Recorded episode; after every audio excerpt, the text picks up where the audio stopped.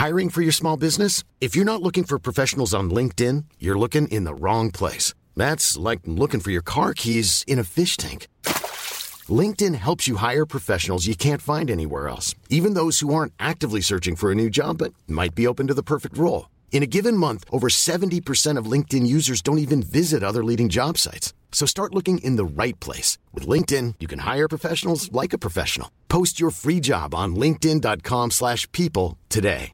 Ryan Reynolds here from Mint Mobile. With the price of just about everything going up during inflation, we thought we'd bring our prices down. So to help us, we brought in a reverse auctioneer, which is apparently a thing. Mint Mobile unlimited premium wireless. Ready to get 30, 30, bit to get 30, bit to get 20, 20, 20, bit to get 20, 20, bit to get 15, 15, 15, 15 just 15 bucks a month. So, Give it a try at mintmobile.com slash switch. $45 upfront for three months plus taxes and fees. Promo rate for new customers for limited time. Unlimited more than 40 gigabytes per month. Slows. Full terms at mintmobile.com. Men man är ju helt eh, sommardäst i huvudet. Hur, hur mår du Britta? Det vet inte jag. Alltså vi, nej men, vi har ju själva satt oss i den här sjuka situationen att vi jobbar jättemycket på sommaren. Och då, med vi så menar jag både jag och Kalle och också du. Så att vi, det, jag, jag vill inte klaga på det. Det är ganska härligt att man kan avsluta dagen med att, att bada. Mm. Eh, Det, det gör jag ganska ofta. Gud vad jag har blivit en, en beach bum. Ja, En tan mom. Men frånsett vad som låter som ihärdigt inspelande av Bondgårds tv-serie, gissar jag, blir det nå, vad jag skulle säga Norrland, men borde säga Umeå i sommar. Eh, alltså, ja precis. Alltså, du menar att det är förbjudet att säga Norrland som att det är liksom en enda massa? Nej, men jag är livrädd för det. Ja, nej, men jag tycker att det, vet du vad, jag uppskattar din awareness. Det är inte alla som bryr sig. Eh, vi kan säga Västerbotten. Ja, Det är ju in, inte Umeå per se, men ja, Umeå kommun. Ja, men jag gjorde, jag gjorde fel ändå. Västerbotten. Alltså vi är bara här. Det känns som att det bara Mm. på, alltså livet, corona, livet bara pågår även fast alla restriktioner typ har hävts. Alltså, ni har inte nåtts av det där ute. Nej men det är som att vi ändå fångar i vårt hem på grund av alla djur. Alltså vi kan, Men, det, vi kan typ inte ta oss någonstans. men ni lever i en bunker utan tak, i princip. Vi lever i en bunker utan tak och hoppas det inte regnar för då kommer vi drunkna allihopa. Jag är stolt över er, ser fram emot nästa säsong av Bondgårdsprogrammet. Britta, hur lättad är man över att EM är över? Ja nej jag känner tomhet och sorg. Nej, men, för ni har ju haft ert fina lad, laduhäng. Mm. Jag har också haft mycket stort häng kring detta. Mm. Men jag märker att folk har gjort avkall på sitt vanliga liv för att hålla igång EM-tittandet. Och att det har varit så mycket eh, det har varit så mycket förväntan och frustration varje dag. Jag är emotionellt utbränd tror jag.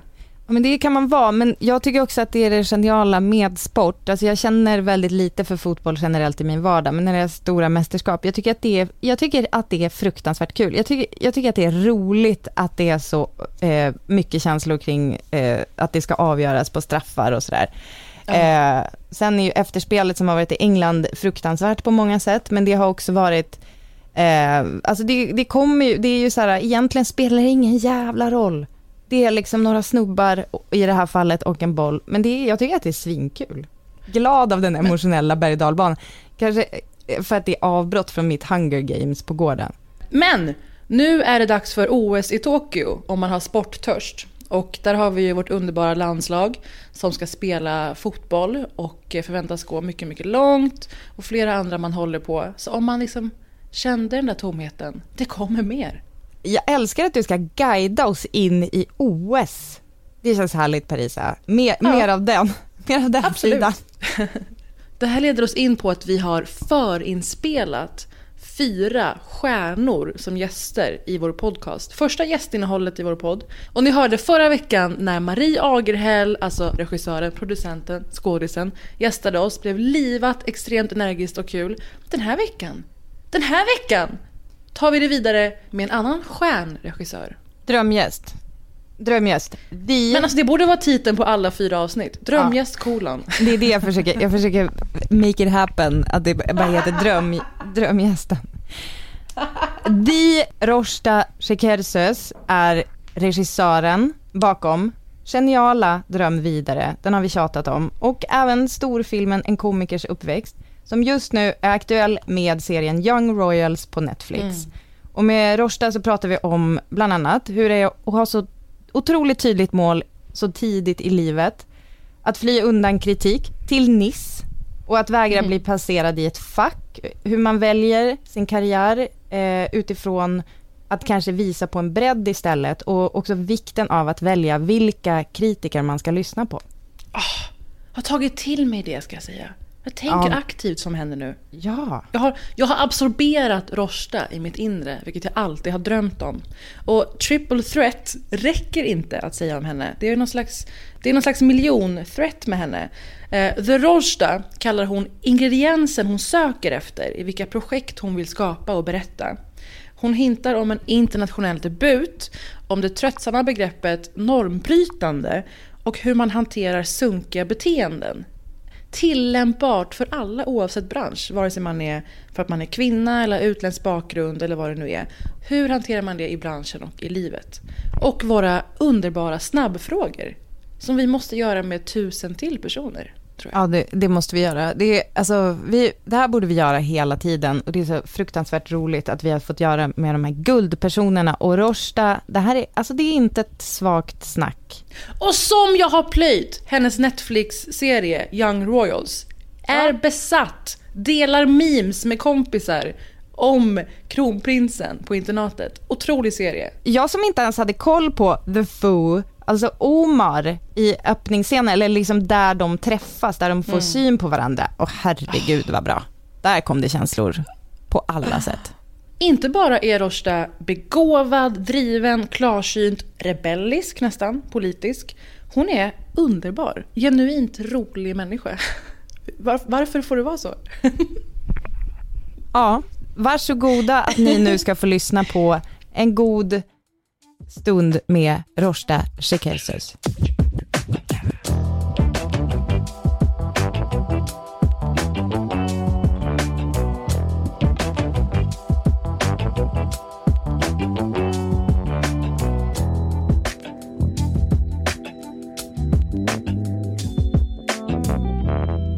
Vi har fått sällskap av en eh, världsstjärna, vad det verkar. Eh, 100 procent. Allt tyder på det. Ja. Jag tycker vi förtjänar det. Jag tycker vi förtjänar det. Otroligt glad i alla fall att du är här. Rojda Shekersöz. Yes. Hemskt, hemskt underbar. Jag anar att du har varit på någon slags tjohej innan. Men vad har du, har du varit? Jag har gjort eh, TV4 Morgon. Oh. Okay. Oh. Om den nya serien, en perfekt övergång. Om regeringskrisen. Ja exakt, de kallade in ett, en sakkunnig. Exakt. Men du är såklart aktuell med en ny tv-serie. Vi kan börja i den änden tycker jag. Ja, det, det kan man väl. Mm. Och den har haft premiär på Netflix, heter Young Royals. Bara den engelsktalande titeln tyder på att det är världssuccé mm. det siktas på. Och det är inte omöjligt för du är ju en stjärnregissör. Vill du berätta vad serien handlar om? Vad är det för serie? Um, det handlar om en um, prins, en fiktiv prins då, som börjar på ett internat. Mm. Och sen så, det är en ganska klassisk coming of age historia som handlar om hur han får lära känna sig själv och ställs inför olika, olika dilemman som om han får välja den han vill vara med eller inte. Och mm. liksom hur, eh, vilka val han ställs inför mm. som prins. Du är representant för vår familj och det svenska folket. Om inte vi kan skydda dig från sådana situationer så får vi se till att situationerna inte uppstår. Hyllerska kommer hjälpa dig att komma in i rutiner och få rätt umgänge. Gör som ettorna gör och som treorna säger så lär du dig snabbt. Hälsat mig, jag heter Wilhelm. Simon. Jag trodde det var du som hade sagt att man inte kunde vara kompis med någon här. Du är den enda som jag känner att jag faktiskt kan prata med här.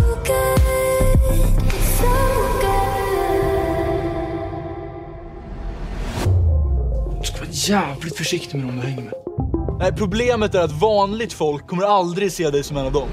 Alltså bara premissen Nej, är men Det här är enorm. så sjukt intressant, för vi, vi har ju pratat ganska nyligen om, apropå prinsessan Diana mm. till exempel och också Harry och Meghan och så vidare om så här, att det är ju den sjukaste typen av eh, gisslansituation nästan, mm. att växa upp som kunglighet. Mm. Var, var började du i den där processen eller är det liksom hur, hur, hur närmade du dig ämnet? Alltså jag tänkte först var jag så här, eh, först så tänkte jag att att eh, det var lite svårt från början för att jag tänkte men Sverige och vadå, det är ju inget problem. Är det här en idé som kommer till dig? Eller det kommer en idé till mig Mm. eh, som de hade börjat utveckla eh, eh, från eh, Nexikos håll ihop med Lisa Ambjörn som är huvudförfattare. Och eh, så fick jag liksom pitcha in hur jag skulle vilja göra det. Eh, och sen så började vi jobba ihop. Blir det då, förlåt men Mm. jag vet, alltså jag tänker på i här, I reklamfilm då Mm. går man ju till lite olika regissörer. Mm. Fun- Funkar det så här eller är det mer så här, vi vill att Rosta ska göra det? Det kan Eh, funka på båda sätt men ja. här var det sådär att de hade gått till flera. Ja, Eh, så lämnar man typ ett treatment eller? eller Ja eller typ en så här vision, Mm. typ hur man skulle vilja, hur man Mm. ser på storyn och hur man själv skulle vilja göra den. Eh, Och din den och vision vann.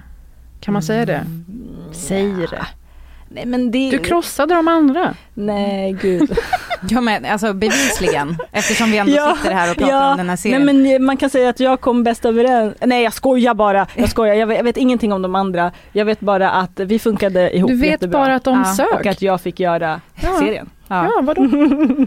Vad kände du då liksom? Du bara, är det här ens en grej i Sverige? Ja men jag kände först att det var lite så här, fan alltså vi är ju ganska liberala, det är Mm. inte så stort problem generellt med till exempel vilken sexuell läggning man har och sånt. Det är inte som liksom mm, ja, något annat land, alltså typ i Kurdistan. Polen. Ungern. Uganda. Ja precis.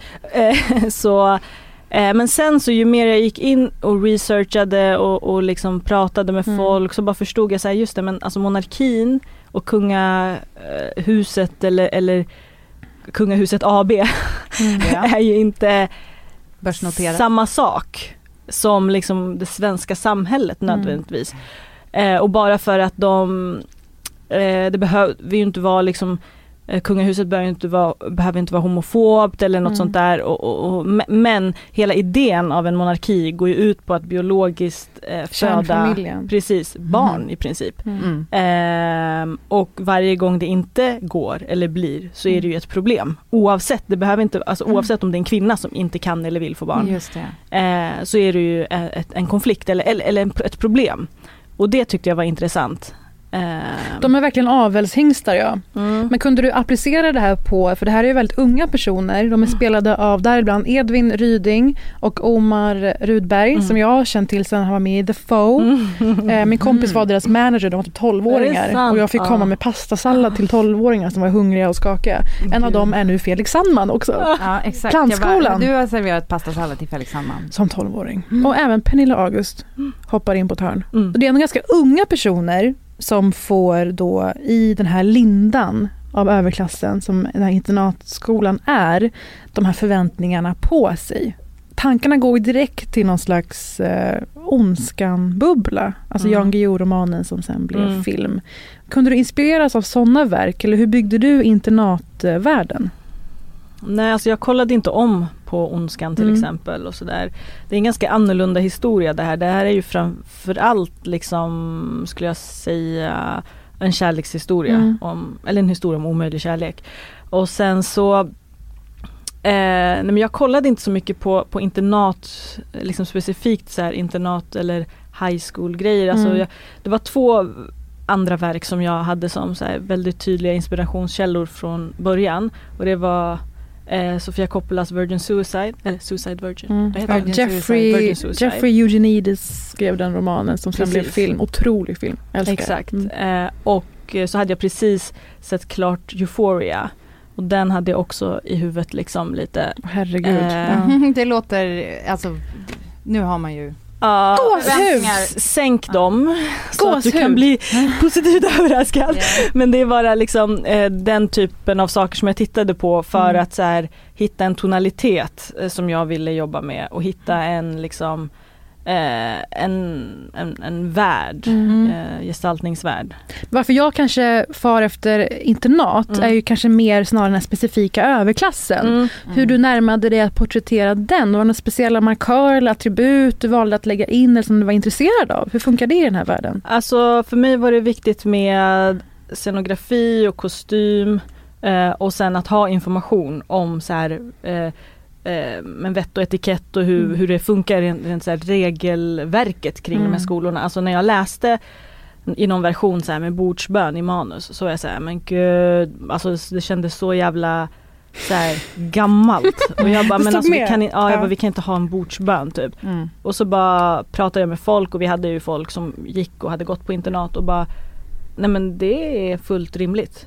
Jo, de har en kristen grundsyn. Liksom. Blev du liksom chockad över Ja. hur cementerat Ja, är? och hela den här att inte, alltså Gud det var så sjukt för att eh, när jag såg också så här klipp, det finns ju, Mm. jag ska inte nämna, men vi har två internat. Men eh, i alla fall, eh, jag har varit eh, ganska mm, hängt i på ett instagramkonto av ett av de här Ah, internaten. okej. Eh, och när man ser liksom Ja, jag, jag, det var så fascinerande, det var för mig en helt annan värld. Ja. Och hur, att inte vända ryggen till vuxna, alltså, vilket innebär att man backar ut ur klassrummen. Mm. Eh, och sådana saker. Så att det var viktigt. Och sen gestaltningsmässigt så ville jag inte bry mig om eh, att gestalta överklassen på Mm. ett visst sätt.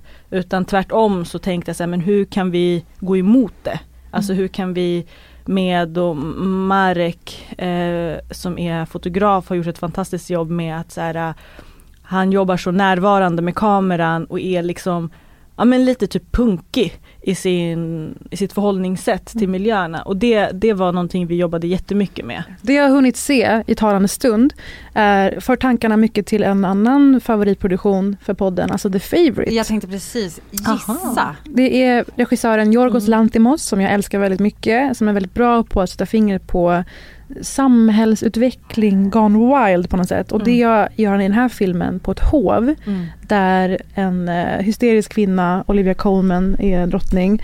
Eh, det blir en slags konfrontation och konflikt med två andra kvinnor och det är väldigt tabubelagt och hemligt såklart och folk drivs till desperation och hemska saker uppstår. Men framförallt det här punkiga. Mm. Han använder ju så fish eye kamera, skate eh, stil plötsligt i hovmiljö. Mm. Jag tycker nya veckan har tagit ut svängarna och att den här stilen är... roligt. alltså att du vågar... Ja. Jag vill inte säga det här nedlåtande men om vi drar det hela. Alltså jag är ju jämngammal med dig. Mm. Kan det stämma? Ja, är du född 80? 90 Säg, säg, säg fortsätt Nej, meningen. 89. 80. Mm. Du har ju, det här är absolut inte din första produktion vill jag bara säga. Nej. Du har ju långfilmsdebuterat med Dröm vidare som nu finns på Netflix. Ja. Med Evin Ahmad och Gizem Erdogan, två andra favoriter. Den har vi ju pratat om faktiskt tidigare i den här podden men jag tänker ändå upprepa det att det är ju bland det bästa jag har sett. I filmväg. Eh, i fi- alltså, Ja. liksom, då, då tänker jag overall och det är väl, alltså det, det, alltså det är ju en sinnessjuk debut. Men gud vad, alltså jag blir så jävla Jo glad. fast alltså, Nej, men ursäkta på men, det är ju inte jag, det är inte jag, alltså för du, det här hände ju när Mm. vi träffades, då Mm. är det ju som att när jag fattar, liksom fattar vem du var Mm. för att eftersom man inte ser dig i filmen, for obvious reasons. eh, så eh, ja, jag hade liksom inte koll på hur du Mm. såg ut och sådär. Och så när jag fattar att du är, att du var den som hade gjort den här filmen, alltså jag, jag kunde typ inte hantera det och sen så Du blev årets nykomling Precis. dessutom. Ja. Ja. Utnämnd. Mm. Mm. Och så jag menar det är ju inte liksom, men du blir ändå glad att jag säger det, att jag gillar det. Nej det är klart, jag blir Ja, okej. skitglad. Alltså jag tycker det var det är verkligen en, eh, jag, jag tycker fortfarande att den filmen är det jag har gjort som ligger mig närmast i min så här, mm, blick liksom. Men det är så många som göra. säger det, att det Mm. första stora verk man får ur sig Mm. är det som ligger närmast ens kärna på något sätt. Och att man alltid försöker återskapa den där magin. Vid nästa hyra ska du ha gjort något åt ditt liv. Eller så håller du dig borta. Inte konstigt att pappa lämnade dig. Vem fan vill vara med dig? Berätta då, hur vi ska fixa de sista cashen så att vi kan dra härifrån. 10 av 10. Du har långt kvar. Du är exakt samma skit som oss, förstår du? Hallå?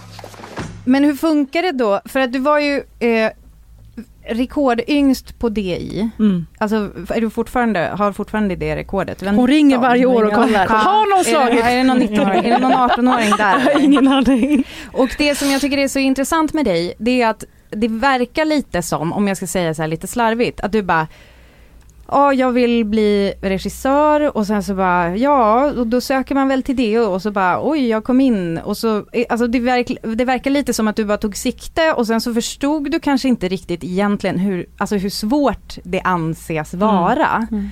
Eh, alltså ganska mycket sådär lite alltså jag vet inte om jag vill använda ordet underdog, men att du lite sådär, ja, kanske lite naivt. Mm. Du vet ju bara ett sätt att göra det på. Mm.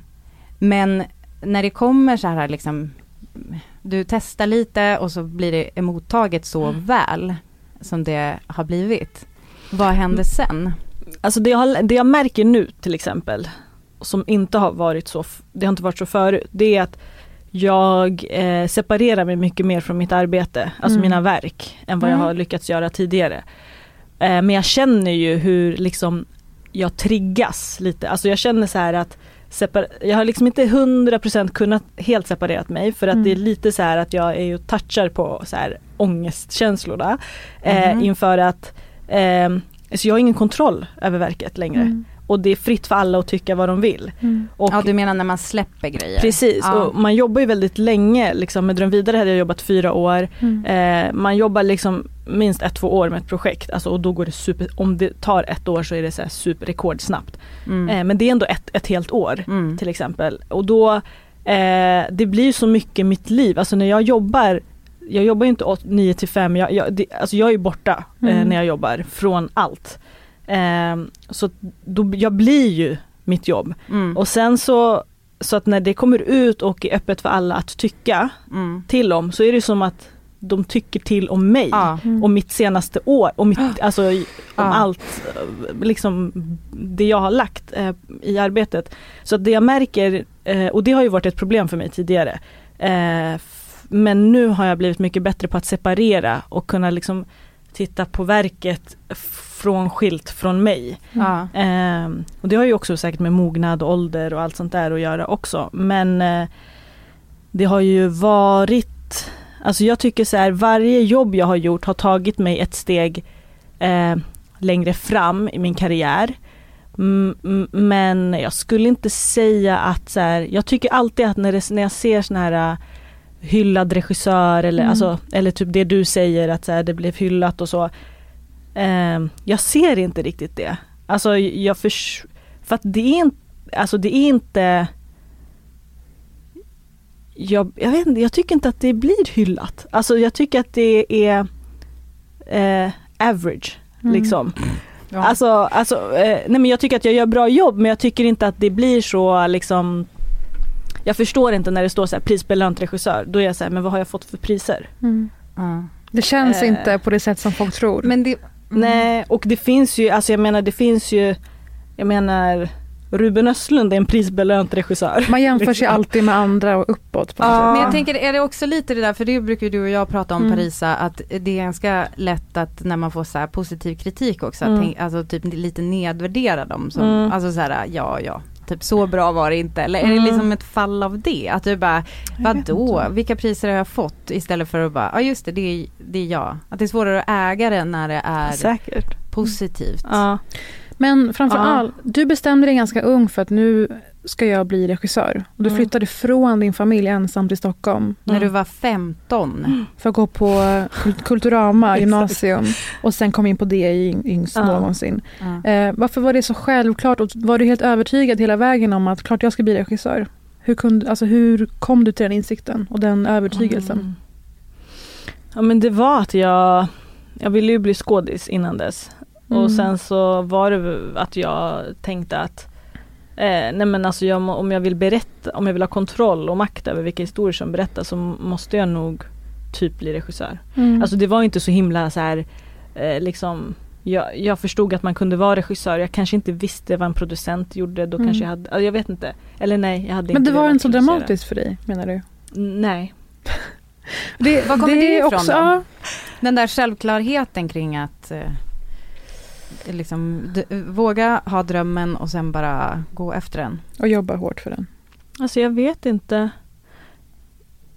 Jag har nog ändå blivit liksom uppfostrad till att så här, alla måste göra sin roll i livet. Alltså Mm. så här, vad, vad, vad, vad vill du? Vad är, det, liksom, vad är meningen med ditt liv? Mm. Och inte att det ska komma så här uppifrån, alltså från något annat utan att jag ska ha ett mål eller en, en mening. Mm. Och då tror jag att det var eh, också ganska skönt när jag hittade min, det var som att jag kalibrerades så in Mm. och bara ja men här är en kombination av så här historieberättande, projektledande och så här, jobba med människor Mm. och estetik. Eh, och alltså filmen, det är så magiskt för att det, man, man har en idé och sen blir det liksom verklighet. Och hjärnan kan ju inte urskilja verkliga händelser från det man ser på film. Det är därför man liksom reagerar impulsivt Mm, och gråter om och det är skrattar. bra. Ja, Ja. precis. Och det lever bortom en själv. Mm. Eh, och det kommunicerar med så mycket människor liksom. Mm. Så jag tror att det var ganska Det är också skönt att ha ett mål som är så här så stort att det typ inte Jag kommer inte bli klar. Så Mm. jag kommer alltid ha en mening med livet. Alltså Ja, jag kommer aldrig bli liksom klar med det. Nej, för du gjorde ju även såklart filmatiseringen En komikers uppväxt Mm. av Jonas Gardells bok med samma titel och med Johan Rheborg i huvudrollen. Mm. En otrolig andra långfilm att skapa i sitt, Nivån är ju ändå... i sitt begåvade unga liv. Eh, och du har, det var ju otroligt bara den bedriften. Och du har berättat att efter det så fick du lite av en kris. Mm. Vill du berätta vad som eh, initierade den och hur, du, hur, det, hur det var? För jag har inte nåtts av det. Att du... Alltså initierade krisen eller filmen? Nej, alltså krisen. krisen. Ja, för här har man gjort någonting Ah. som man borde känna sig nöjd över i flera år. För som vissa regissörer gör ju bara fem filmer eh, som blir jättestora. Mm. Det är som att du konstant slänger dig på nästa häst och nu när du har gjort den här stora filmen med allt vad det innebär, pressturnéer, mycket Mm. uppmärksamhet, så går du in i en kris. Ja men jag tror att för mig så mm, Det var ju en ganska svår uppgift att göra den filmen för att så här, det finns en bok, eh, det finns en serie, det finns en väldigt eh, tydlig eh, upphovsperson eh, som många då tänker att det är någon slags autofiktion, liksom, att det handlar om den personen. Mm. Ehm, och det finns en hel så här fanbase redan. Ehm, Gud vad läskigt. Förlåt, får jag säga det bara? Ja men Mm. det var det. Alltså det var, jag var ju i Cannes när vi hade, vi hade en sån press. Som man Jag är. bara, du vet jag. Mm. Nej men man, kan få, man kan få pris i Cannes Gråter. och man kan bara vara där på en pressträff också. Du, jag hade bytt med dig. Kör. Vi Nej, behöver men- inte jämföra. Alltså, Nej det är, förlåt. li- du, var ändå i Cannes. Ja. Eh, Det här blir en så här terapi, Mm, terapi. Nej men och då hade vi en sån pressträff eh, där, där vi, det skulle bli officiellt att den här filmen ska göras och Mm. då kommer jag ihåg att eh, och det var första gången det blev officiellt och då eh, då blev det så här massa kommentarer på Jonas Gardells, vad heter det, Instagram. Mhm. Och bara såhär, oh my god, så här, den här boken räddade mitt liv, den här serien, såna här massa sådana kommentarer. Och jag bara, min puls, alltså jag satt på rummet eh, där och blev så här, ringde Jonas och bara, eh, alltså what the fuck, så här, jag kommer inte, alltså all, man kan inte tävla mot någons minnen, alltså av någonting. Men vad starkt att du vågade ringa Jonas och säga det. För Ja. jag skulle bara hålla fasad. Ja, nej, nej, nej. Men, och jag åkte bort ifrån, alltså jag åkte därifrån. Lämnade åkte Ja, till Nice. Nice. och var där sista, Ja. sista, sista dagen Nej, helt själv. Alltså jag Nej, tog tåget och bara jag vet inte hur man, alltså hur man gör det. Jag bara åkte och så Tre hängde jag bort. där. Ja. Ja, Monaco, sen Nice. ja. men för att jag klarade inte av eh, hela situationen. Mm. Eh, och det här, då hade vi inte ens börjat göra blev han o- ja, precis, vad sa han när du ringde? Eh, nej men han sa att, jag minns inte liksom allt exakt men vi pratade mycket om så här, han var ju så här, han bara, men det här är bara, du vet det kommer ju bli fler när filmen är alltså ute så kommer men- folk tycka Han bara, saker. alltså, det här är bara början. Ja, nej, du bara, fast jag han- pan, jag pan. Han bara, du, just you wait. Exakt. Nej men fast det var ändå bra för att det han sa också var så här att jag måste välja mina auktoriteter. Och att jag måste Mm. välja vilka jag lyssnar på för annars kommer jag bli galen. Om jag bara, och det var det han menade med att det här bara är liksom starten. Och det alltså har, har hängt med mig sedan dess. Att jag har varit så här: okej vänta just det. Det spelar ingen roll vad alla tycker, alltså vilka bryr jag mig om. Mm. Eh, Men vad starkt. Ja, det är ju skitsvårt eh, för man vill ju bara bli hyllad och älskad. Men, men, eh, men det, var, det är i alla fall någonting jätte så här, skönt att komma tillbaka till alltid och bara säga Mm. okej men tycker jag den här personen, tycker, tycker den om samma filmer som jag? Nej okej men då bryr jag mig inte. Gud vad mäktigt. Har du, men säg Mm. någon auktoritet då. Vilken Eh, har du som jag valt? bryr mig om. Mm. Eh, min kompis Evin Ahmad. Det är en bra auktoritet. En liten namedropping bara. Mm, min, och min kompis. ja, min kompis. uh, nej men alltså det behöver inte, Ja. vet, det är människor som jag respekterar som jag tycker har samma, det är så mycket smak också. Mm. Samma smak som jag har. Välj dina auktoriteter. Ja. Och sen sa han så här, nu skärper du dig också. Exakt. Och du bara, nej, du bara nej, jag åker till Nice och låser in mig i ett hotellrum. Nej men Han bara, åk till Nice ett dygn på min bekostnad men sen skärper du dig. och sen plockar upp dig själv och gör den här filmen. Ja men jag menar, och, för sen ska du ju göra jobbet också. Ja! Ja. Och, och hur, Ja men man får, det, det var då? svårt, alltså, det var jätte, jättesvårt. Mm. För att jag tänker hela tiden så här eh, också eftersom att jag respekterar Jonas och du vet det är han som står för verken innan och det är han som har skrivit manus. Eh, vi, hade ju hela, vi jobbade ju ihop liksom, så vi hade ju kontakt hela tiden men man, det, var, det var så himla mycket att jag inte ville göra folk besvikna. Ja. Eh, och att jag inte vågade kanske fullt ut göra det på liksom, mitt sätt inom Mm. situationstecken utan jag safeade ganska mycket. Eh, och också så här eh, på något sätt så här, okej ska jag nu ta det här och typ så här fucka ur med materialet eller ska jag visa att jag också kan göra en så här vanlig klassisk eh, Mm. liksom eh, kommersiell film. du vet. Och, det är massa, alltså, eh, massa saker. Det är så här mod på en helt annan nivå verkligen. Ja.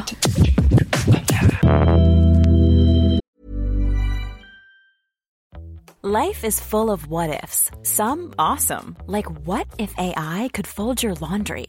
And some, well, less awesome, like what if you have unexpected medical costs? United Healthcare can help get you covered with Health Protector Guard fixed indemnity insurance plans. They supplement your primary plan to help you manage out of pocket costs. No deductibles, no enrollment periods, and especially no more what ifs. Visit uh1.com to find the Health Protector Guard plan for you. Hey, I'm Ryan Reynolds. At Mint Mobile, we like to do the opposite of what Big Wireless does. They charge you a lot, we charge you a little. So naturally, when they announced they'd be raising their prices due to inflation, we decided to deflate our prices due to not hating you. That's right. We're cutting the price of Mint Unlimited from $30 a month to just $15 a month. Give it a try at mintmobile.com slash switch. $45 upfront for three months plus taxes and fees. Promo rate for new customers for limited time. Unlimited more than 40 gigabytes per month. Slows. Full terms at mintmobile.com. Jag köpte ju såklart senaste Vi. Mhm. Sekunden jag såg, äh, det är Rojda Şekersöz på omslaget. Och jag blev inte besviken. Citatet på omslaget är Hur kan man inte vara politisk? Det är en referens också till ditt sommarprat, vilket Mm. i sin tur är en referens till Nina Simone om jag Mm. minns rätt. Och i intervjun så nämner du ett flertal saker som jag tror att vi alla är intresserade av. Och det ena är att du berättar om olika kontor, mötesrum, där du har upplevt Mm. dig förminskad. Mm. För dels att du är en ung kvinna och dels att du är en ung kvinna med utländsk bakgrund. Mm. Dessutom utomeuropeisk bakgrund Mm. om man ska vara sån. Eh, och jag är jättenyfiken på hur du har navigerat i det där. Vi försöker ge folk ganska handfasta tips ibland på vad man ska säga och göra i de rummen för att stå ut och fortsätta hävda sin rätt att Mm. jobba och verka och få Mm. vara. Liksom. Hur har du hanterat det? Eller först och främst, hur har det sett ut? Um, alltså framför allt så vill jag säga att det har inte alltid varit medvetet gjort. Det är det inte alltid. Nej, Nej. ibland men inte alltid. Eh, men, eh, men jag har liksom navigerat inte så bra i det. Mm. Alltså det är därför jag inte kanske har mått så bra. Men ehm, jag har liksom skrattat åt eh, sexistiska, rasistiska skämt. Mm. Jag har eh, Alltså jag har inte alls gjort det bra. Eller jag har gjort det jag har behövt för att kunna överleva Exakt helt vad jag enkelt. tänkte säga. Ibland är ju det en strategi för att Precis. liksom få vara, liksom inte, alltså Mm. för, för att slippa sitt Mm. fack eller liksom vad man ska säga, att bara Exakt. ta sig ur det. Men det jag har märkt nu eh, och jag tror också jättemycket har alltså med typ mognad att göra. Alltså så med livet. Typ att livet man blir äldre och man liksom har livserfarenhet. Men det jag försöker göra nu det är att inte ta ansvar för rummet. För jag tror ofta det är det som är problemet. Att man liksom, det är därför man skrattar med eller det är därför man blir arg eller det är därför. Mm. Men man kommer långt genom att bara vara tyst. Alltså genom att inte typ reagera på eh, såna här eh, skämt eller, eh, eller på att säga så här, eh, alltså säga ifrån fast, alltså jag är väldigt mån om min energi Mm. för att jag blir trött Mm. jättesnabbt. Liksom. Det är ju det man blir ja. Ja, så att eh, jag vill helst inte bli arg om inte, det, om inte jag behöver det liksom. Och eh, det är väldigt sällan man behöver bli arg. Man kan på ett ganska ehm, så här, odramatiskt sätt säga så här, fast den där grejen som du sa där tycker inte jag är okej. Eller att så här, ja, jag förstår att du vill mitt bästa och säger åt mig vad jag ska säga när jag går in i det här rummet men ehm, jag kommer inte göra så. Kan du beskriva den situationen? Någon har alltså sagt till dig hur du ska bete dig? Ja men jag har liksom fått ett typ ett manus eh, på i vilken ordning jag ska prata om vissa saker när jag träffar vissa personer. Eh, för att liksom mm, för att det ska bli bra. Så här. Är det här typ i eh, alltså jobbmöten, kanske så här, åh vi vill ha pengar till våran film eller? Ja vi, typ. eh, Ja. ja. Eh, sådana möten. Ehm, De har alltså och det är ju för att de vill att så här, de har ju velat att så här, förbereda mig eller typ alltså inom situationstecken eller Ja, så här, nu är du rustad, nu vänligt. kan du Ja. liksom. Men som att du inte hade varit rustad själv.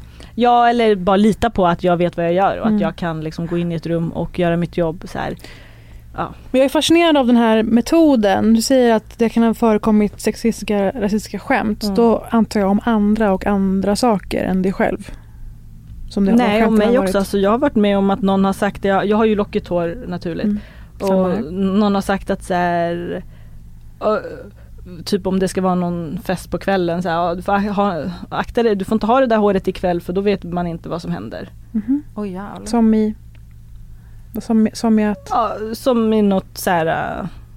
Eh, jag vet inte. Då var- kommer de ragga på dig eller Ja, ta dig. typ, ja. Sexuell, Ja. inte bara invit utan du får akta dig för om jag vill knulla dig Ja men typ. Eh, Och det är alltså någon du arbetar med? Ja. På en, ja. Mm. Och, och då har du i stunden, beroende på din mo- mognadsgrad eller om man Mm. säger, valt att antingen bara rycka på axlarna eller skratta. Ja, I den situationen så skrattade jag. Åh fy fan. Och det Eh. värsta är, alltså fan, att det där, fan, eh, vad jag har tänkt på Mm. nu. Man tror att man skonar sig själv, men de där såren sitter så djupt i Mm. så många år Mm. att man lät sig själv bli trampad Ja. på. Att man, man mår nästan sämre av det faktiskt. Ja, ja, ja. Alltså jag menar Det jag har gjort senaste året är att bara vara väldigt tydlig och typ ärlig. Eh, och, och inte ta ansvar som jag sa. Men det är, det blir, det är ju lite jobbigt liksom Mm. för att det blir lite tyst i rummet. Eller ja det, det, blir är ju liksom, också, precis, alltså det är ju, det, det är verkligen så här ehm, den klassiska typ damned if you do, damned if Mm. you don't. Alltså både om du inte säger till så finns det ju en bitter eftersmak och sen kan, du också, kan man också få sitta med den där eftersmaken om man säger. Ja. Och så är det så dålig stämning men ja och så är det svårt att inte lägga det på sig själv då. Utan Ja. lägga det på den som bär skulden egentligen eller borde bära den. Ja och jag tycker det är svårt att så här, äh, det också handlar om, jag tycker, alltså eh, som vi sa förut att jag tror jag behövde vara på det sättet liksom för att det var det enda jag kunde då. Eh, och också jag är inte säker på att om inte jag hade varit så medgörlig generellt Mm. liksom, så vet inte jag om det hade gått så bra för mig. Nej, Alltså, men- mm. Och jag är också försiktig med att säga så här, jo man ska säga, man ska alltid så här för att jag tror också det handlar om makt. Så här, Mm. Nu har jag ju fått möjligheter att bevisa Mm. vad jag går för eller vad jag kan i mitt Mm. yrke. Liksom. Men det har krävt eftergifter. Eh, Ja men också att så här, nu har jag råd att kanske låta situationen vara obekväm. Nu eller- har jag råd att bli behandlad som en helt vanlig person. Ja men, men tyvärr det är så. För att det du säger nu är ju att du med tiden har byggt upp en viss maktposition som gör att du kan ta risken att, för det här är risken, att om du säger ifrån då blir du märkt som en jobbig. Att du Mm. krånglig, jobbig, kritisk. Är det så oskön stämning? Nej, hon, hon skrattar inte med och är liksom skön som de andra. Eh, och då har du inte vågat ta den risken innan. Eller Mm. kostat på det. För det kan ju, som man är frilans, Mm. innebära att folk inte ringer en igen. Mm. Ja det är det man och det, man vet ju inte. Jag vet inte hur det hade varit om jag hade tagit det. De kanske hade ringt mig ändå. Mm. Men, men det är ju den, det finns ju ingen trygg, trygghet. Mm. Eh, och det är inte som att jag har förebilder med människor med liksom samma erfarenhet Mm. eh, som jag har direkt. Så det finns inte heller liksom så mycket så här så många jag kan liksom prata med. Fan, det finns så många manusrum där man låter saker passera bara för att det kostar för mycket i stunden bara socialt att orka säga ifrån. Och att man bara, vet du vad, jag måste också betala hyran. Mm. Jag ska vara helt ärlig. Ja men också tänker jag också att man har lärt sig hela sitt liv. Att Ja. man ibland är det bara, man bara låter det Mm. pågå. Jag blir så nyfiken också för att det du säger är ju också att det blir så mycket av dig själv Mm. som hälls ner i ett projekt, en tv-serie eller en film. Ehm, och, ehm, och så sen så kanske man då liksom då måste kanske stå ut med lite så här, lite Mm. dåliga skämt och sådär för att kanske i något viktigt möte för att få pengar till det man verkligen, verkligen vill göra. Eh, hur, hur ser det ut för dig idag den där grafen med så här, vad kostar det för mig, alltså så här, hur gärna vill jag göra det versus vad kommer det kosta för mig eller alltså förstår du hur jag Mm. menar? Att man tänker ju kanske i att man får väga de där variablerna mot varandra. Känner du att du idag är kanske tuffare med ehm, att bara tacka nej? Eh, det. om det är ett så här bara okej det här är tydligt inte för mig eller försöker du ändå? Liksom, Nej, jag från liksom efter min den här krisen som Mm. jag hade. Mm, i Nice. Exakt. Så, Krisen i Nice, dina exakt. memoarer. Ja. Eh, nej men så jag har liksom bara, så då bestämde jag mig att jag bara ska göra grejer som jag vill. Mm. Eh, så att eh, ehm, jag har liksom efter jag har inte gjort saker som jag inte vill Mm. sen. Eh, och det här är ju också mitt första projekt. Alltså Men hur är du så bra på att urskilja det? Eh, vilket? Vad Hur är du vill. så bra? Hur är du så bra på att urskilja vilket du vill göra och vilket Mm. du kommer vilja göra och ha kul Mm. med att göra? Alltså ha kul har alltid varit Men eh, Självspäkande konstnär. mer, ja men exakt, mer typ din, alltså det känns som att det är så här typ en besatthet Mm. eller att du bara Ah. måste så här must finish project. Typ. Ja men alltså jag tror att jag, jag tror att jag liksom eh, Eh, men dels, antingen kommer projektet från mig eller om det kommer en förfrågan så kollar jag på innehållet. Är det här en historia som är min att berätta? Mm. Alltså jag, jag tror verkligen inte att jag ska berätta alla historier. Eh, bara för att jag kanske, om, även om jag är skicklig liksom rent så här yrkesmässigt, hantverksmässigt så, så jag tror inte att alla historier är mina att berätta. Så det, det första jag ställer mig är så här, men okej är det här min, min be, är det här min historia att berätta helt enkelt? För du menar inte i form av en tolkningsföreträdesgrej? Nej nej absolut inte, nej. Jag menar bara, är det här min historia att berätta? Alltså, är det här, kan jag berätta den här ur min blick? Mm. Eh, kan jag berätta, är det här, vad, finns det Rojda i det här Mhm. på något sätt? Vad är det Rojda? För jag Vad är Rojda culture? Ja, Alltså, Men typ när jag läste Tones bok, Schunessons bok. Ah, vänta nu! Ja. Rojda har ju köpt rättigheterna till och ska filmatisera Dagarna, dagarna, Ja. dagarna. Är- Succéförfattaren Tone aning. andra roman. Så jävla mäktig är du Rojda och det här kommer bli fenomenalt. Alltså Ja. er två tillsammans. Ja, För det är ju någon slags, eh, om man har läst Dagarna gånger tre, det är ju en sån jävla fart och tempo Mm. i det. Samt, alltså både eh, inåt och utåt på Mm. något sätt. En person som går igenom en, en fas och har något destruktivt förhållande. Och vi, hon är så mångsidig. Ja. Det är Tones specialitet. Ja. Och det är fan din specialitet också. Men tack. Men det Dröm. var alltså när jag läste den så bara under tiden jag läste så var jag så här, typ det är en Rojda historia. Mm. Eller en Rojda karaktär. Alltså jag kände jag bara men gud det här är det här är typ, jag skulle kunna ha kommit på den här karaktären. Vad är det med Ehm, Bibs som du... Men för att jag hatade henne och Mm. typ jag älskade Ja. henne och jag Ja. tyckte hon var äcklig och jag tyckte Ja. hon var fantastisk. Alltså jag, Ja. var bara så här, Ja! men jag tyckte att hon var så här, "Ugh", så här. Och det var så, och det triggade mig, alltså positivt. Alltså jag var så här, jag bara, ja jag bara, jag undrar, jag vill träffa, alltså jag vill, jag vill, jag vill, jag vill skapa henne, alltså jag vill gestalta henne. Eh, Så, så känner jag om så här, det här är min historia att berätta eller inte. Jag har ingenting med Bibs att göra, alltså i, i mitt liv ser inte ut, alltså, du vet så Mm. apropå tolkningsföreträde och sånt Mm. där. Jag har ju läst upp Ja. några favoritcitat av Dagarna gånger tre i den här podden. Ja. Däribland en kille som är så smal att hans rövhål ser ut att sitta mitt på ryggen. Det är en sån tydlig bild, en Tone Schunnesson Ja. mening. Underbar. Så där har vi The Rojda, älskar Ja. det. Men hon måste ju ha skrikit rakt ut när du Ja, ringde. Alltså Tone. fatta. Ja alltså vi, vi det var ju våra agenter Ja det som, var det. eh, konfererade. Ja det var så. Jag ringde min agent, Tone ringde sin agent gud. och sen så tog vi en öl jag och Tone efteråt. Eh, Men när, när blir det här av? Förlåt. Ehm, jag vet inte, vi får Nej, se. Vi jobbar på manuset nu.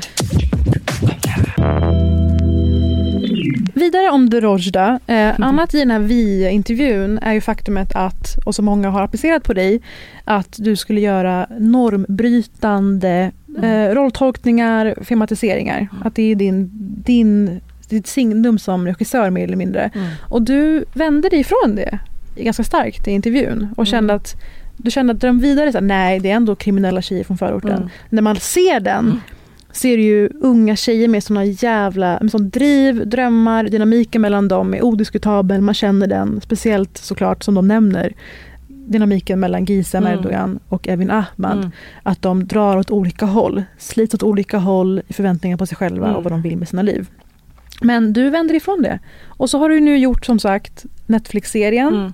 Där som du hintar om, så vi kan säga rakt ut, förbjuden homosexuell kärlek Mm. eh, vad gäller en svensk prins. Och där har vi också normtanken och också med Gardell. Du jag tycker- drivs ju ändå, Ja, du, men jag dras tycker det är intressant att man väljer så här, och det här tror jag faktiskt har med min kropp att göra. Att så här, äh, jag tycker Dröm vidare är mer formmässigt normbrytande Mm. än alltså karaktärsmässigt. Alltså varför, varför får jag aldrig prata om konst och form? Mm. Alltså introt i Dröm vidare tycker jag är genialiskt. Mm. Alltså och... När Eh, hon går ut från fängelset. Ja och bugar sig, gör en sån här teater eh, inf- bugning Ja. inför, rakt in i kameran. Mm. Eh, varför får jag inte prata om det? Alltså Mm. jag menar, och det är därför jag menar att så här, nej fast det är inte så normbrytande att så här, his, historien Dröm vidare är inte normbrytande. Det är väldigt klassisk, en, en person kommer ut ur fängelset, vill påbörja ett nytt liv. Mm. Vad gör jag? Ja, jag har kvinnor istället för män. Men de är fortfarande rasifierade. Som jag också sa i intervjun, jag tycker det är jätteintressant att vi var tre eh, eh, regissörer som rasifierades det året som debute- debuterade. Den ena filmen var Paraknas, Mm. den andra Dröm vidare och den tredje Måste Git. Mm. Eh, det tycker jag är otroligt intressant. Varför är det intressant? Um, jag vet inte hönan och ägget men är det en slump att 100% av de rasifierade regissörerna gör filmer som handlar om kriminella? Mm. Eh, jag vet inte om det är det som får pengar eller om Mm. det är vi som, alltså jag, jag vet inte vad hönan och ägget Nej, men eller är. att men- Evin Ahmads två största rolltolkningar är Mm. kriminella. Precis. Du är också med Snabba Cash, Mm. om en annan sorts kriminell måste vi säga. Men är det också någonting som du då har med dig i, för jag är också nyfiken på så här, om vi då återgår till det här, eh, alltså hur du tänker kring vilka jobb du tackar ja till och är det min historia att berätta.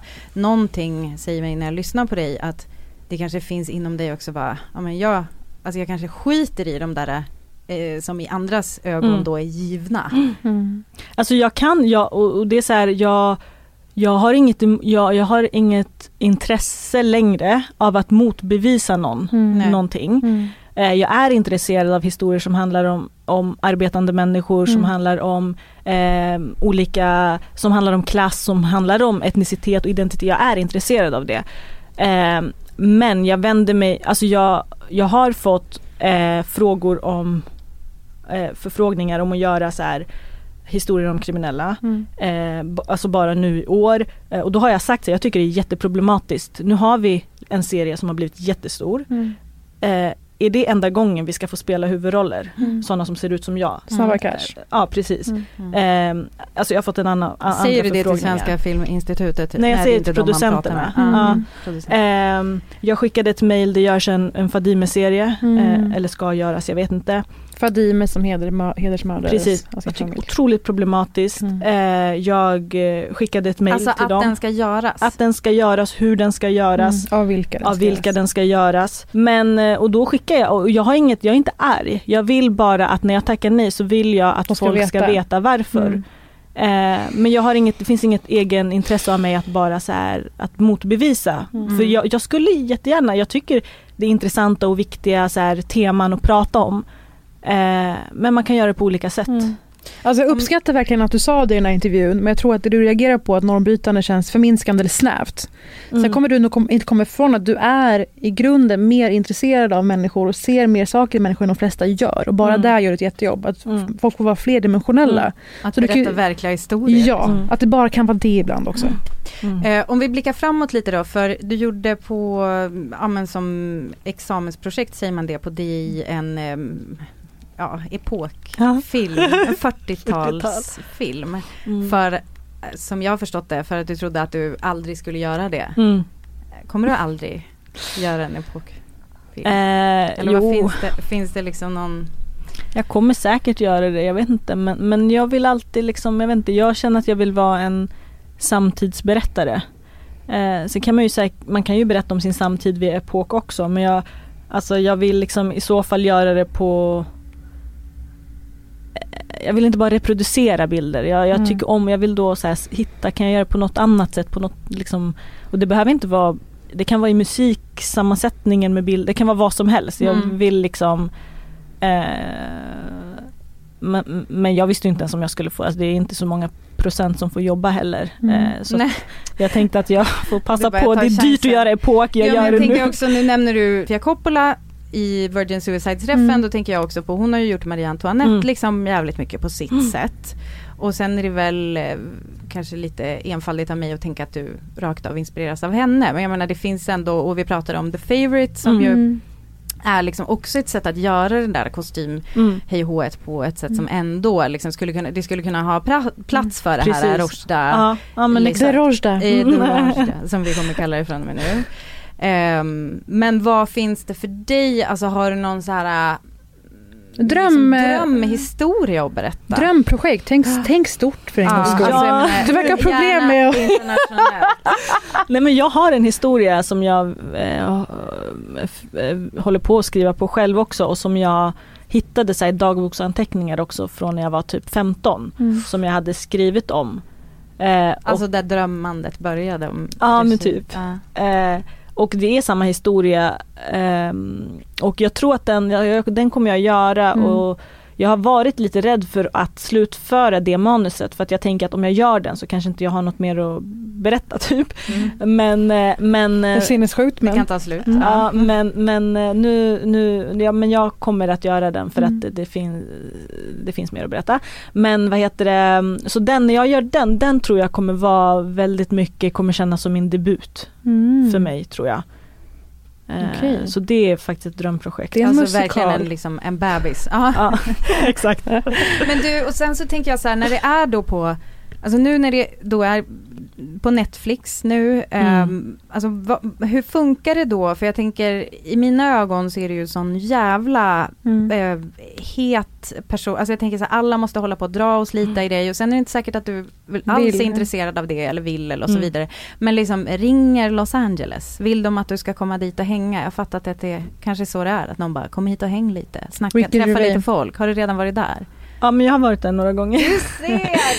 Eh, alltså jag läser manus och så Mm. därifrån men jag vill också liksom, men nu det är det som är så coolt med Netflix för att man, när man tänker så här Hollywood, Mm. då är det för, eller för mig har det varit för att det når ut till världen. Mm. Men nu den här Young Royal ska visas i 190 länder. Så Mm. att jag, och jag älskar mitt liv i Sverige. Så Ja. kan jag bo i Sverige och göra det, okej så därför så så jag tänker att när jag läser manus och sånt och, och har liksom möten Mm. så vill jag jobba med bra manus och bra folk och hellre mycket mindre eh, i så fall.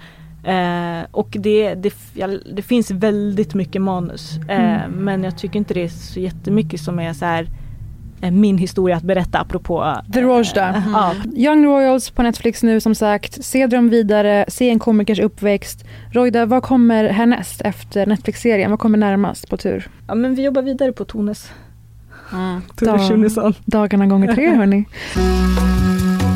Britta och Parisas frågebatteri.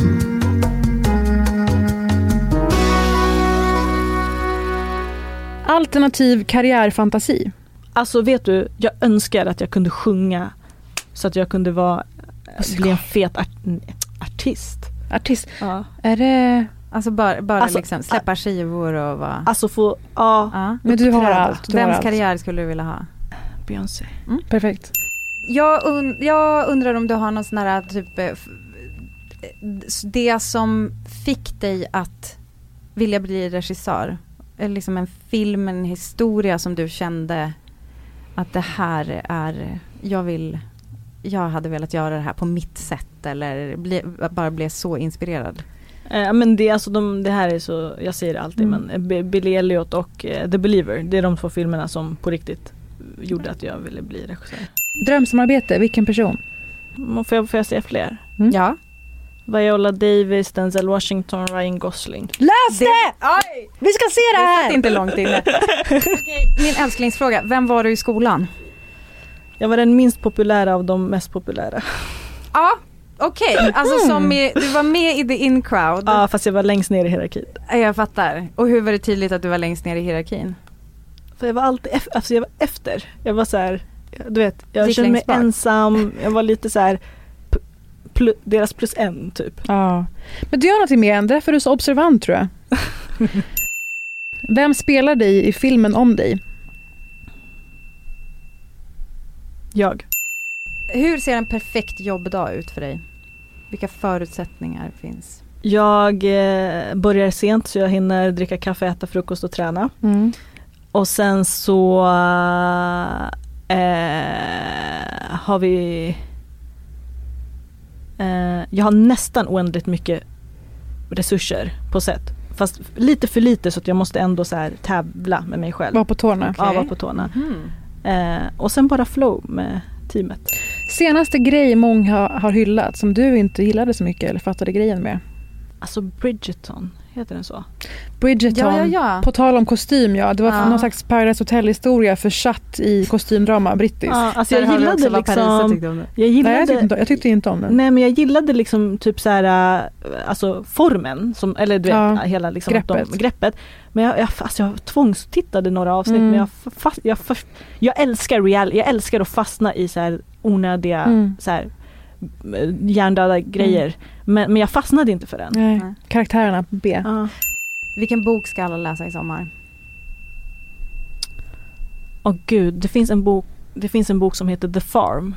Mhm. Jag vet inte om den finns översatt än men eh, eh, den är väldigt intressant och bra.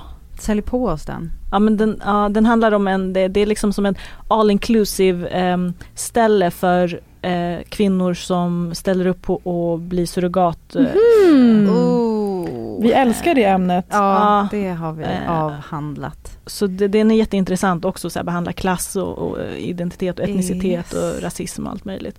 Oh, jävlar, den kommer jag att läsa nu. Vad är det smaskigaste DM du fått? Ja. Någons, eh, jag har fått massa DMs om varför jag blonderar mig och försöker prata ren svenska när jag är på TV. Ja okej, så smaskigt är dåligt. Det- det är bara sånt jag ja, får. Är det sant? Jag får Roida. inga smask. Fan vad spännande. Ja. Tack Roida Säkerhusöd för allt du gör. Och för att du kom hit. Själva. Tack ska du ha och alltså herregud vad det ska bli kul att se vad du kokar ihop framöver. Ja. Eh, Både kul att se den här serien som ju inte har släppts när vi pratar om det men som finns nu på Netflix. Young Royals. Mm. Men också, vad fan händer med dagarna, dagarna, dagarna? Vad fan händer med eh, Los liksom Angeles. Hollywood? Vad hände med Ryan Gosling? Ah, Denzel, Fick någon, Viola. fick någon tag på honom? dröm, dröm vidare hälsar Ryan Gosling. Exakt. Ja, vi älskar dig, vi backar dig. Tack Ja, för att du kom tack. idag. Tack, hej. tack. När jag har pratat med Roshda, då känner jag att allt är möjligt. Det känns så platt att säga det. Men det är exakt den effekten hon har på mig. Men jag tycker också att allt känns så självklart. Jag känner lite att jag känner mig som en idiot eh, när jag pratar med henne, men på ett bra sätt. För jag tänker så här, varför, varför, det är väl självklart att man ska ta en sån riktning tidigt. Och givet som vi pratade med Marie tidigare, att in, liksom det där att inte våga drömma, att Roshda har haft så otroligt så här, tydlig vision, eh, även fast hon kanske velar och tvekar och sådär, att hon ändå har kört på. Och det är så otroligt eh, mäktigt. Vilken jävla king hon är.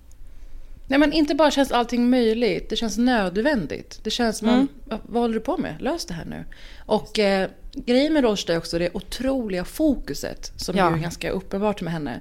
Att hon väljer ett spår och kör på det. Man brukar prata om Ron Swansons kända citat från Parks and Rec, vilket är tillämpbart på både dig och mig i perioder av livet. Don't half-ass two things. Whole-ass one thing. Att man lätt tunnar ut sig i olika projekt och det gör att allting får lida. Och jag tror Roshda är en sån person som är så dedikerad och fokuserad. När hon går in för någonting så gör hon mest det. Ja. Istället för att kanske, och det är svårt ju, balansera också det sociala, vänner, familj. Ja. Och jag är ju lite av en one track mind människa i det att jag också måste tok gå in på saker för att det ska bli bra. Ja. Vilket man sällan kan ju äldre man blir. Det är så mycket andra ansvar och så det, jag tycker det var jätteinspirerande och stärkande. Inte minst det här med eh, det emotionella, själsliga. Vad gäller utbrändhet eller kritik eller sin, sin vision och sådär. Ja. Men också att det kräver ju en, ett fokus och ett driv som är nästan eh, på fabriksnivå ibland. Och jag menar även om man är en sån som jag som nog är lite mer fladdrig och kanske aldrig kommer kunna eh, whole as one thing på grund av hur jag funkar så är det ändå väldigt inspirerande att tänka att jag ska hitta the Rosta culture liksom i min, det kan man ju göra i sin egen situation också. Eh, ja. Men Tack. alltså, att, att vi inte tog upp det här under intervjun. Vad är The Brita? Vad är The Parisa? Ska vi återkomma på den punkten? Det får vi återkomma. Tack Rosta för att du tog dig tid och snackade med oss. Det var, jag tror jag ta- tackar för både oss och våra lyssnare. Ha det Vi, tar, vi tar oss den friheten och Det tackar kan vi- för er det också kan som har vi göra. Det är ändå våran podd. Så Kom igen, det vi bestämmer. Se, se allt hon någonsin har haft ett, ett lillfinger Eh, med i. Bland annat då Dröm vidare på Netflix, nya serien Young Royals på Netflix, långfilmen En komikers uppväxt. Ta bara tag i det och grattis till er alla för att ni har fått lyssna på Rojda Shekersöz. Och nästa vecka, som ni vet, då blir det rasande i podden. Då kommer blixtrande intelligenta Moa Gammel förbi.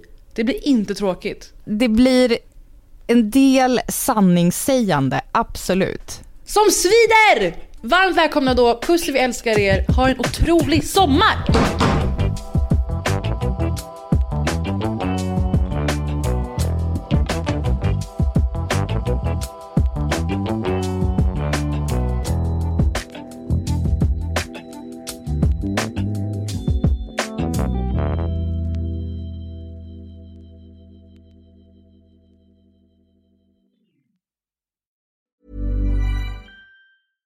Selling a little or a lot?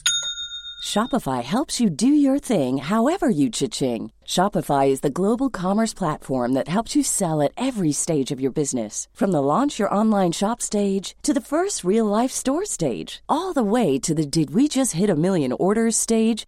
Shopify is there to help you grow. Shopify helps you turn browsers into buyers with the internet's best converting checkout. 36% better on average compared to other leading commerce platforms because businesses that grow grow with Shopify. Get a $1 per month trial period at shopify.com/work. shopify.com/work. Even on a budget, quality is non-negotiable. That's why Quince is the place to score high-end essentials at 50 to 80% less than similar brands. Get your hands on buttery soft cashmere sweaters from just 60 bucks, Italian leather jackets, and so much more. And the best part about Quince, they exclusively partner with factories committed to safe, ethical, and responsible manufacturing. Elevate your style without the elevated price tag with Quince. Go to quince.com slash upgrade for free shipping and 365-day returns.